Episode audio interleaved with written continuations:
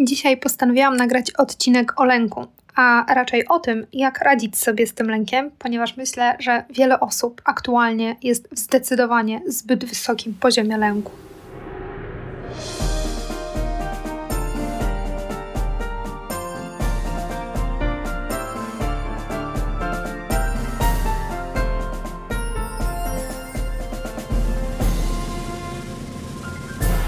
skąd w ogóle bierze się lęk? I właściwie, czy lęk i strach to jest to samo? No, strach jest jedną z podstawowych emocji. Pojawia się w nas w wyniku różnych bodźców, które nasz organizm uznaje za zagrażające dla nas samych. Strach ma więc mobilizować nas, abyśmy byli w stanie pokonać zagrożenie. Albo e, stając do walki z tym zagrożeniem, albo przed nim po prostu uciekając. Więc ewolucyjnie strach jest zdecydowanie dla nas czymś dobrym, ale powinien występować w zasadzie stosunkowo rzadko, no ponieważ dosyć mocno e, obciąża nasz organizm. Adrenalina, e, odcinanie różnych innych e, funkcji, które nie są nam potrzebne właśnie w tej strategii walki ucieczki, więc tak naprawdę strach, mimo iż jest adaptacyjną emocją, no to na pewno nie jest emocją, którą chcemy przeżywać jak najczęściej. Lęk z kolei to jest taki strach przed strachem.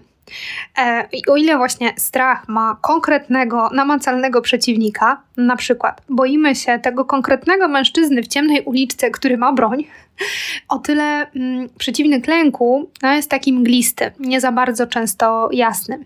Czujemy więc lęk idąc w ciemnej uliczce, ale nie widzimy tam żadnego mężczyzny z bronią coś jakby ma się zadziać, ale tak naprawdę nie ma żadnej konkretnej e, sytuacji, konkretnej osoby, konkretnego e, przedmiotu e, tego, tego lęku. No, w obecnych czasach niestety częściej towarzyszy nam lęk. W zasadzie u niektórych osób jest on taką stałą emocją e, i takie osoby mogą być po prostu w nieustannym napięciu. E, I to jest taki stan, w którym boimy się, że coś się wydarzy, no i nic się nie wydarza, ale ten nasz lęk, przez to, że właśnie jest taki długotrwały i, i dezaptacyjny, często powodują, że mm, powoduje, że z nami dzieją się nie do końca fajne rzeczy, szczególnie z naszym samopoczuciem i zdrowiem, ale też e, ze światem.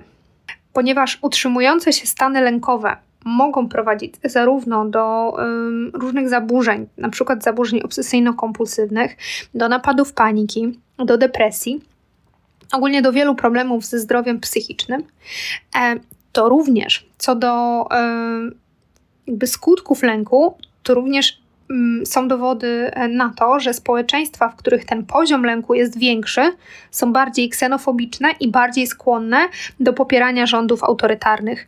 Dlatego celem rządów populistycznych krajów jest zasianie jak największego poziomu lęku w obywatelach. No a jak wiadomo, negatywne informacje, te szokujące informacje, te budzące lęk najszybciej się rozprzestrzeniają.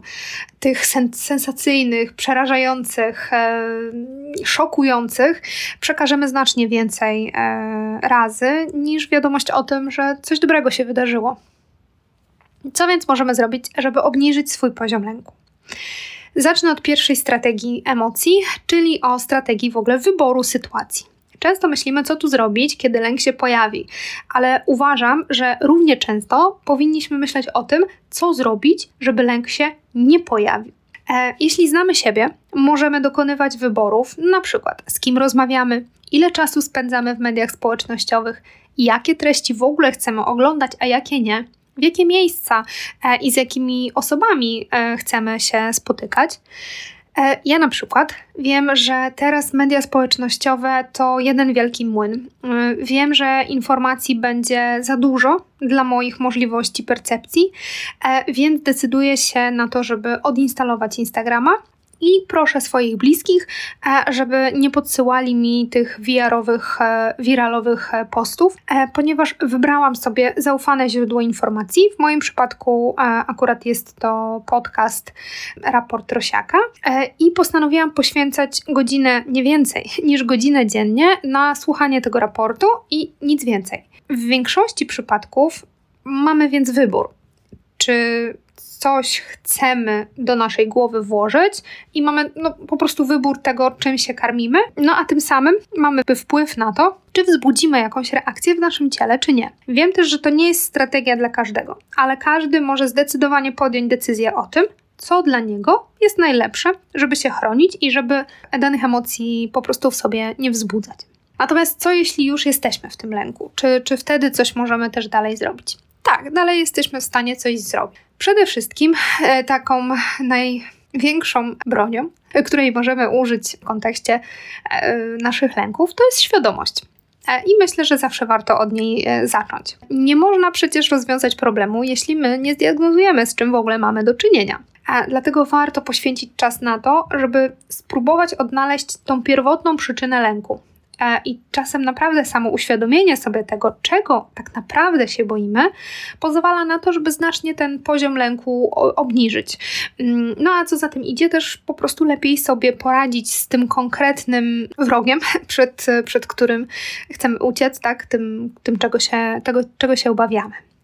Kolejnym sposobem e, jest rozmowa. I mam tutaj na myśli zarówno rozmowę z bliskimi, z zaufanymi osobami, e, taką rozmowę, w której jakby uzyskamy akceptację naszych uczuć i zrozumienie, ale też będziemy mogli podzielić się jakimiś sposobami na to, w jaki sposób sobie pomóc.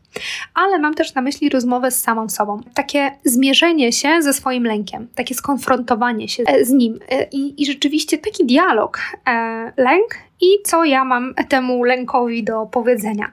Na ile prawdopodobne jest to, że wydarzy się dokładnie to, czego się boisz? Jakie są różne inne scenariusze tej sytuacji, nie tylko ten najgorszy? I tutaj przydatna jest taka strategia defensywnego pesymizmu. Ona polega na tym, żeby opracować sobie strategię na różne możliwe scenariusze, natomiast nie zakładając, że któryś z tych scenariuszy na pewno się wydarzy takie myślenie mm, oczekuj najlepszego, ale bądź przygotowana na najgorsze. Kolejno, myślę, że bardzo ważny punkt to jest rozprawienie się ze swoim e, poczuciem kontroli, ze swoimi przekonaniami na temat kontroli, ponieważ lęk jest bardzo silnie związany z poczuciem e, kontroli, w zasadzie z uczuciem utraty kontroli. E, osoby, które mają niekorzystne przekonania e, na ten temat, jak na przykład, e, że wszystko mogę kontrolować, że wszystko zależy ode mnie, tak? Jestem kowalem swojego losu, że jak coś zaplanuję, to to się wydarzy na pewno, że mam wpływ na wszystko tak naprawdę, co się dzieje. Takie osoby mm, w sytuacji niespodziewanego kryzysu bardzo często tracą grunt pod nogami i jeśli nie mają strategii, by sobie z tą stratą poradzić, no to wtedy najczęściej najczęściej wpadają właśnie w lęk. Myślenie, że możemy w 100% kontrolować nasze życie, jest nie tylko błędne, ale jest też krzywdzące. Są po prostu sytuacje, na które wpływu nie mamy. Nie mamy wpływu na politykę, pogodę, choroby, myśli i zachowania innych ludzi, I uświadomienie sobie tego jest bardzo trudne dla osoby, która no, w zasadzie swoje poczucie bezpieczeństwa i niejednokrotnie też swoje poczucie własnej wartości opiera na tej silnej kontroli otaczającej e, jej rzeczywistości. Warto jednak się z tym zmierzyć, ponieważ paradoksalnie pogodzenie się z tym, że nie mamy wpływu na wiele rzeczy, również obniża poziom lęku. Wciąż jednak warto pielęgnować w sobie oczywiście to poczucie sprawstwa i wpływu w tych obszarach, w których je mamy. Bo nie jest tak, że nie mamy zupełnie kontroli albo mamy w 100%. Często to jest jakiś procent wpływu. Kwestia, żeby ten procent umieć sobie po prostu realnie ocenić i właśnie pielęgnować w sobie to sprawstwo e, w tych obszarach, w których jak najbardziej e, ten procent naszego sprawca jest jak największy. Na przykład poprzez wybór sytuacji, tak, czy tych informacji, na które się wystawiamy, albo poprzez zaplanowanie, mm, nie wiem, oszczędności, e, czy jakiejś alternatywnej ścieżki kariery lub, lub na przykład właśnie przez utrzymanie chociażby kilku stałych punktów w naszych życiu, takich, takich rytuałów, które są mm, jak najbardziej e, potrzebne. Ważne są na przykład stałe pory posiłków, stałe pory snów, pory aktywności fizycznej. Na przykład w każdy czwartek chodzę na jogę, albo codziennie o 17 piję kawę z mężem. I to są takie punkty, które staram się jakby pielęgnować w swoim życiu, choćby się waliło, paliło, to, to, to ja to robię, wiem, że na to mam wpływ i to w jakiś sposób daje mi właśnie to poczucie kontrolowania swojego życia w takich aspektach, w których jest to możliwe. Kolejną techniką jest technika, która może się wydawać trochę kontrowersyjna. Chodzi o to, żeby poświęcić konkretny czas na zamartwianie się.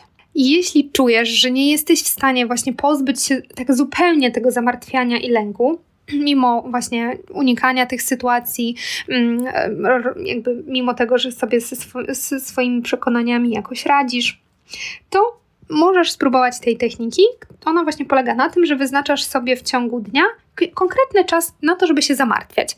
Na przykład 15 minut po obiedzie, tak? I to jest e, taki twój czas, w którym ty siadasz mm, i po prostu się tylko zamartwiasz. Na przykład y, możesz zacząć od tego, żeby spisać sobie w ogóle te wszystkie swoje zmartwienia. Spisywanie też jest zawsze dobrym, dobrym sposobem na e, obniżenie e, lęku i, w ogóle jakby takie, no żeby spadło napięcie z nas. E, I potem możesz wybrać sobie jedno z tych zmartwień, na przykład, które jest najistotniejsze i wtedy mm, będziesz się nim zajmowała na przykład podczas kolejnego posiedzenia na zamartwianie się. Możesz sobie zrobić nawet taką karteczkę na drzwi, że to jest teraz Twój czas na zamartwianie się, ale pamiętaj, że jeżeli dasz sobie 15 minut na zamartwianie się, to to jest Twoje 15 minut na zamartwianie się i po 15 minutach po prostu wstajesz, kończysz zadanie i przestajesz się zamartwiać. Jestem bardzo ciekawa, na ile ta technika będzie dla Ciebie pomocna. Ona jest bardzo kontrowersyjna, ale jednocześnie bardzo często niezwykle skuteczna. Często okazuje się, że po prostu po czasie ta rutyna nie jest już potrzebna ale musisz się przekonać sama na własnej skórze, czy to jest dla ciebie. Jeśli natomiast niepokój przyjdzie do ciebie poza tym czasem na zamartwianie się, albo w ogóle w czasie, w którym po prostu nie jesteś w stanie w tym momencie przyjąć tego, tego niepokoju, na przykład nie wiem, jesteś w pracy masz jakieś ważne zadanie do wykonania, to spróbuj potraktować e, ten lęk, ten niepokój, który do ciebie przychodzi, jak takiego gościa, który puka do twoich drzwi. Ktoś puka, nie wiesz kto, otwierasz i widzisz, że to jest lęk. No i mówisz, o kurczę, cześć lęk, spoko, że przybyłeś, ale wiesz, jakby teraz jestem zajęta i nie za bardzo mam przestrzeń i czas dla ciebie. Proszę przyjdź o 18.30, wtedy będę miała dla ciebie te 15 minut na zamartwianie się. Dzięki stary za zrozumienie. E, ta technika właśnie tej rozmowy z lękiem, nie tylko właśnie takiej rozmowy, że my z nim polemizujemy, ale w ogóle, że jakby go widzimy, tak, i mówimy, słuchaj stary, nie teraz, e, to jest technika, która pomaga tworzyć taki dystans między tobą, twoimi myślami i twoimi emocjami. Mm, dzięki tej technice my jesteśmy w stanie faktycznie gdzieś tam ten lęk sobie odłożyć na później, ale jednocześnie nie tłumimy tej emocji, ponieważ pamiętacie, tłumienie emocji polega na tym, że my jej też zaprzeczamy.